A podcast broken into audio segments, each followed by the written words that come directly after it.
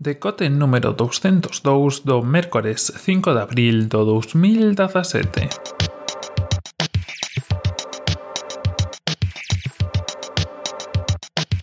Bos días e benvidos a este novo decote. Hoxe imos falar un pouco de Apple, imos falar un pouco dos Mac Pro e imos falar en xeral un pouco dos ordenadores modulares. Por que ven todo isto? Pois isto ven fundamentalmente pola reunión que John Gruber de Daring Fireball, seguro que moitos o coñecedes xa porque é un dos grandes articulistas, un dos grandes analistas, unha desas persoas que sempre se entera de todo o que pasa en Apple antes de que saia a luz ou de que o resto nos enteremos, pois eh, publicou un artigo no seu blog, como os digo, en Daring Fireball, onde eh, fala de unha reunión que tiveron el e outros membros da prensa con xente de Apple, Scott Forstall, Frederini e algunha xente máis de Apple nas súas oficinas de Cupertino. Todo isto ben porque, como sabedes, ou se non sabedes, facemos agora unha pequena introducción ao tema. O Mac Pro, que é un ordenador que saiu xa fai 4 anos, se non equivoco, 2013, que foi a última actualización, este ordenador en forma de papeleira, negro, redondo, foi unha actualización bastante grande, bastante esperada, porque como sabedes, pois é o ordenador que máis lle costa actualizar a Apple. Antes era un ordenador bastante de diseño bastante normal, tipo CPU, eh,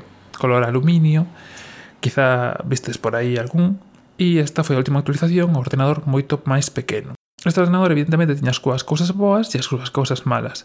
Cousas que, por exemplo, era o tema de que o ser tan pequeno tiveron que facer moitos temas de enxeñaría para conseguir que fose moi silencioso e isto eh, conseguíase tendo máis partes máis pequenas, por decirlo de alguna forma. Por exemplo, eh, estaba pensado para que traballasen dúas tarxetas gráficas en paralelo en vez de unha para evitar e para poder refixerar as dúas ao mesmo tempo. Unha serie de decisións que levaron a que unha vez que o mercado non foi nesa dirección, que como vedes pasaron 4 anos e xa está claro que non vai por esa dirección, tiveran que eh, facer cambios ou estean en forma de facer cambios, porque un ordenador que xa quedou anticuado, que xa quedou bello, porque non se pode actualizar. Non se pode actualizar, evidentemente, por estas opcións, por estos cambios, por estas decisións que tomaron a hora de diseño, eles pensaron que o mundo da tecnoloxía pois ia tirar cada tarxetas gráficas pequenas, potentes, pero que se pudesen utilizar en paralelo, e non foi así. Así que, como consecuencia, apenas un par de anos despois, pois xa quedou obsoleto por non poder actualizarse. Son as cousas que a veces pasan con Apple. Quero decir, cando fan ordenadores portátiles moi potentes, está moi ben, pero como sabedes, logo, pois, hai problemas cando queres actualizar, cando queres cambiarlle o disco duro, cando queres facer certo tipo de cousas. E un ordenador deste tipo, como Mac Pro, pois foi un problema moito máis grande porque estaba destinado a un sector profesional, un sector que ten unhas necesidades moito maiores, xa que pois, en cando se introduce un cambio, eh, cando se pon de moda ou se introducen cousas máis potentes, máis gráficos, máis resolución, máis o que sexa, pois é necesario adaptarse, cambiar e poñerse a traballar nesto.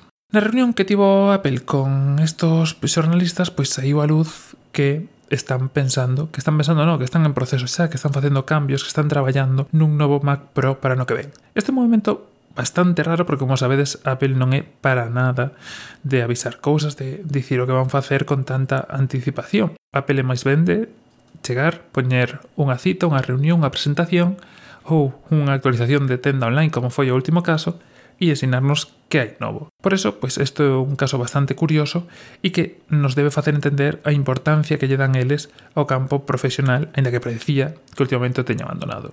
De que falou Apple nesta reunión? Pois basicamente falou de tres cousas. A primeira, a actualización que se fixo onte ou hoxe, non sei, aínda estaba no aire, eh, dos Mac Pro actuais, introducindo pois algunhas melloras e baixando o prezo. Son melloras moi básicas, simplemente para manter o mercado profesional máis ou menos estable ata que o ano que ven, que é o ano que teñen proposto, 2018, eh, será cando saquen o novo Mac Pro e unha nova pantalla 5K.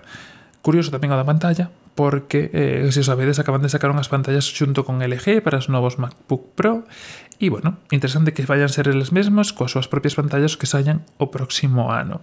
Sobre este MacBook Pro do ano que ven, que sabemos? Pois sabemos que vai ser modular, que vai estar moito máis pensado para o mundo que realmente foi non como tiñan pensado co seu Mac Pro. É dicir, van facer que se poidan intercambiar as tarxetas gráficas e o resto de componentes pensando pois en que sexa actualizable e que sexa máis útil co que foi o actual. Ademais desto, de que máis falaron? Pois da cama iMac, que esta sí que nos pode interesar a máis xente, xa que está un pouco máis preto do prezo ou do que nos podemos permitir e de que vai haber cambios pronto este ano, eh, melloras tanto destinadas a, ao usuario común como a usuarios avanzados. Para eles un pouco, e o que se ve na entrevista, é que o iMac 5K é un pouco, ou pode ser, cubrir unha parte desos usuarios avanzados. Eu non o sei, non teño claro, quero dicir, tampouco ten unha potencia gráfica tremenda, e é interesante ver como ven eles. Ademais destos, na entrevista que tedes aí de John Gruber, que vos dixo como sempre na descripción, tedes, bueno, moitos datos, moitas cousas que sacaron interesantes na entrevista, pero sobre todo é interesante este movimento, esta forma de decirlle a xente que que siguen pensando nos usuarios avanzados e os datos que deixan aí. Falan de que un 80% dos dos ordenadores que venden son portátiles, un 20% non son portátiles e ese 20% creo que din que un menos dun 10% son Mac Pros. Interesante todo isto, bueno, falan tamén de outras cousas, de que van a seguir con Final Cut, con Logic Pro e con toda esta serie, con Mac Mini, bueno, moitos datos da entrevista bastante interesantes, non me quero alongar, é máis interesante que o vexades na entrevista directamente, que xulquedes por vos mesmos e quizá, bueno, nos achegamos cara a unha época un pouco mellor. E dicir, a título persoal, que o tema do sistema modular, como son os ordenadores de Windows, de Torre, de toda a vida, sempre é algo que se pode mellorar. Evidentemente, hai que ver como vai controlar isto Apple, non vai ser tan sinxelo como ala, aí vai. E vai ser interesante ver como se axusta isto para que responda ás necesidades de todo o mundo. Hai moita xente pedindo cousas, como que ata ahora sempre traballaron coas tarxetas de AMD, pois que metan as de Nvidia. Bueno, moito que ver por diante, ver esa nova pantalla, que tamén levaba moita, moito tempo a xente esperando unha nova pantalla por parte de Apple, e pouco máis. Recomendo vos que se si vos interesa o tema, eh, leades, se si non vos interesa, pois Tedes xa prácticamente toda a información que vos fai falla ata o próximo ano, cando saien as cousas novas, e pouco máis por hoxe.